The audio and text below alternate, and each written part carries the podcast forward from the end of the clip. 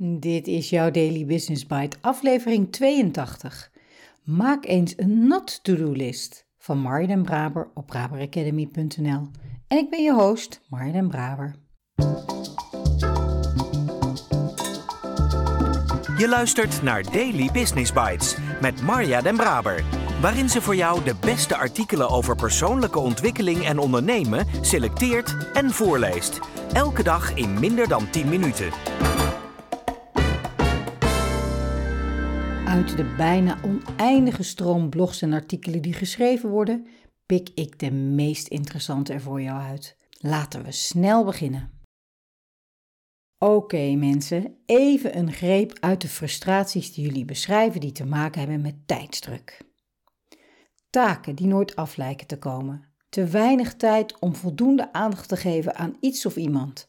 Het bijhouden van allerlei rapportagesystemen kost me te veel tijd. De waan van de dag leidt steeds weer mijn aandacht van de grote lijnen.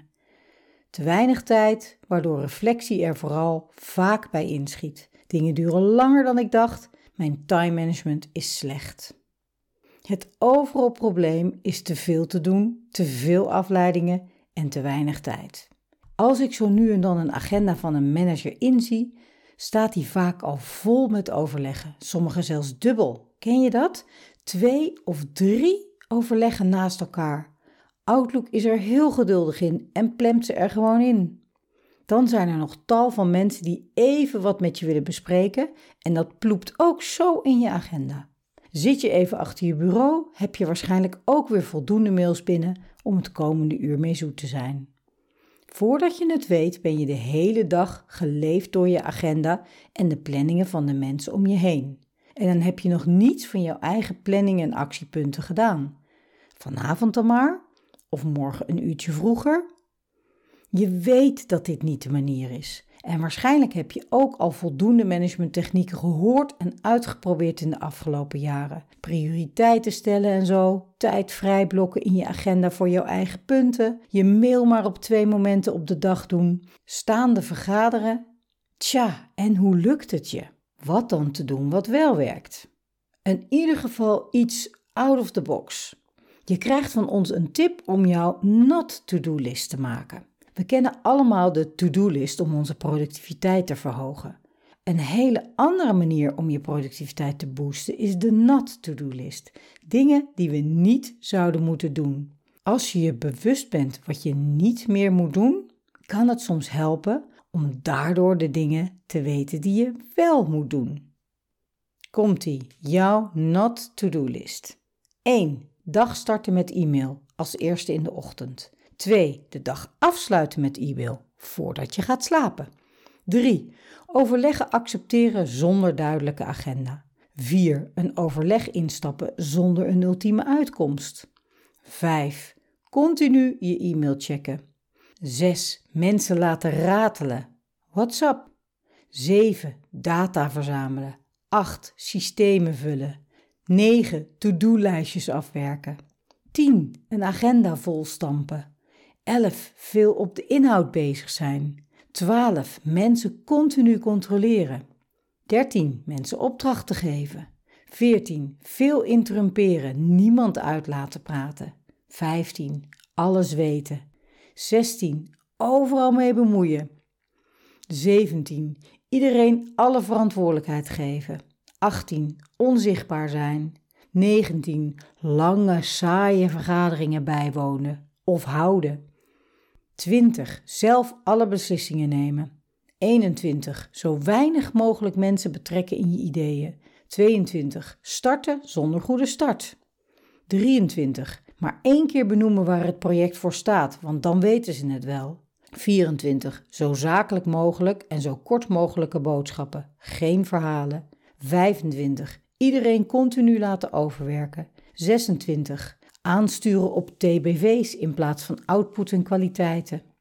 27. Bij excellente projectleden of teamleden zeer ongemotiveerde teamleden zetten. 28. Zo vaag mogelijk blijven. 29. Ervan uitgaan dat iedereen wel weet dat zij weten wat jij weet. 30. Ervan uitgaan dat iedereen doet zoals jij doet. 31. Ervan uitgaan dat iedereen dezelfde waarden en normen heeft als jij. 32. Altijd oplossingen geven. 33. Feedback geven op identiteit. 34. Geen feedback geven. 35. Neerbuigende feedback geven binnen een groep. 36. Steeds harder gaan praten indien iemand niet begrijpt wat je bedoelt. 37. Opdrachten krijgen en geven die onduidelijk zijn. 38. Niet eerlijk zijn. 39. Denken dat jij het project bent. 40. Niet project eindigen als team. 41. Niets leren van het project. 42. Korte vergaderingen houden in lekkere loungestoelen met koffie en dergelijke. 43. Je ideeën doordrukken onder teamdruk. 44. Voor een psychologisch onveilige omgeving zorgen. 45. Onbekende nummers beantwoorden. Daily Business Bites met Marja Den Braber. Je luisterde naar Maak eens een not-to-do-list door Marja Braber. Via de link in de show notes kun je zelfs nog een video bekijken van dit blog uit 2015. 2015 kun je nagaan. Het klinkt nog onlangs, maar het is ook alweer zeven jaar geleden en nog steeds actueel. En ik moet eerlijk zeggen dat ik bij het oplezen van sommige not-to-do's dacht: Nou, volgens mij is dat nou eigenlijk wel juist een to-do. Heerlijk hoe dat soort dingen ook gewoon lekker kunnen veranderen. Ik houd van simpele, out-of-the-box werkvormen en oefeningen. En als ik je vandaag in mijn theatertje mocht ontvangen voor een training, zou ik je de oefening laten doen. En nu moet ik natuurlijk maar hopen dat je de oefening doet. Ik denk dat dat sowieso de meerwaarde van trainingen volgen is of zorgen dat je gecoacht wordt. Dingen die je allemaal wel weet, maar niet doet, doen. Onlangs had ik een gesprek met een klant die nog wel begeleid wilde worden, maar zo langzamerhand waren de vragen die we haar in een cadans stelden wel duidelijk. Dan is de verleiding groot om te denken dat je het wel zelf kan of dat het in minder tijd kan. Ik denk dat dat nou net de belangrijkste redenen zijn om wel voor teamsessies of begeleiding te kiezen. Juist als je het druk hebt en juist als je denkt: ik weet het wel. Even kijken wat dit nou weer te maken heeft met de not to-do list. Zo werkt het dus blijkbaar in mijn brein. Van het een komt het ander. Nou, coaching en begeleiding hoort dus juist wel op jouw to-do list blijkbaar. Het is een mooi punt om zoals altijd weer te zeggen: ik spreek je graag morgen weer.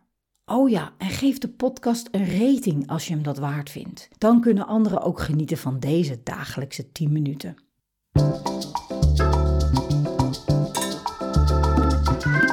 Was Daily Business Bites. Wil je vaker voorgelezen worden? Abonneer je dan op de podcast in je favoriete podcast-app.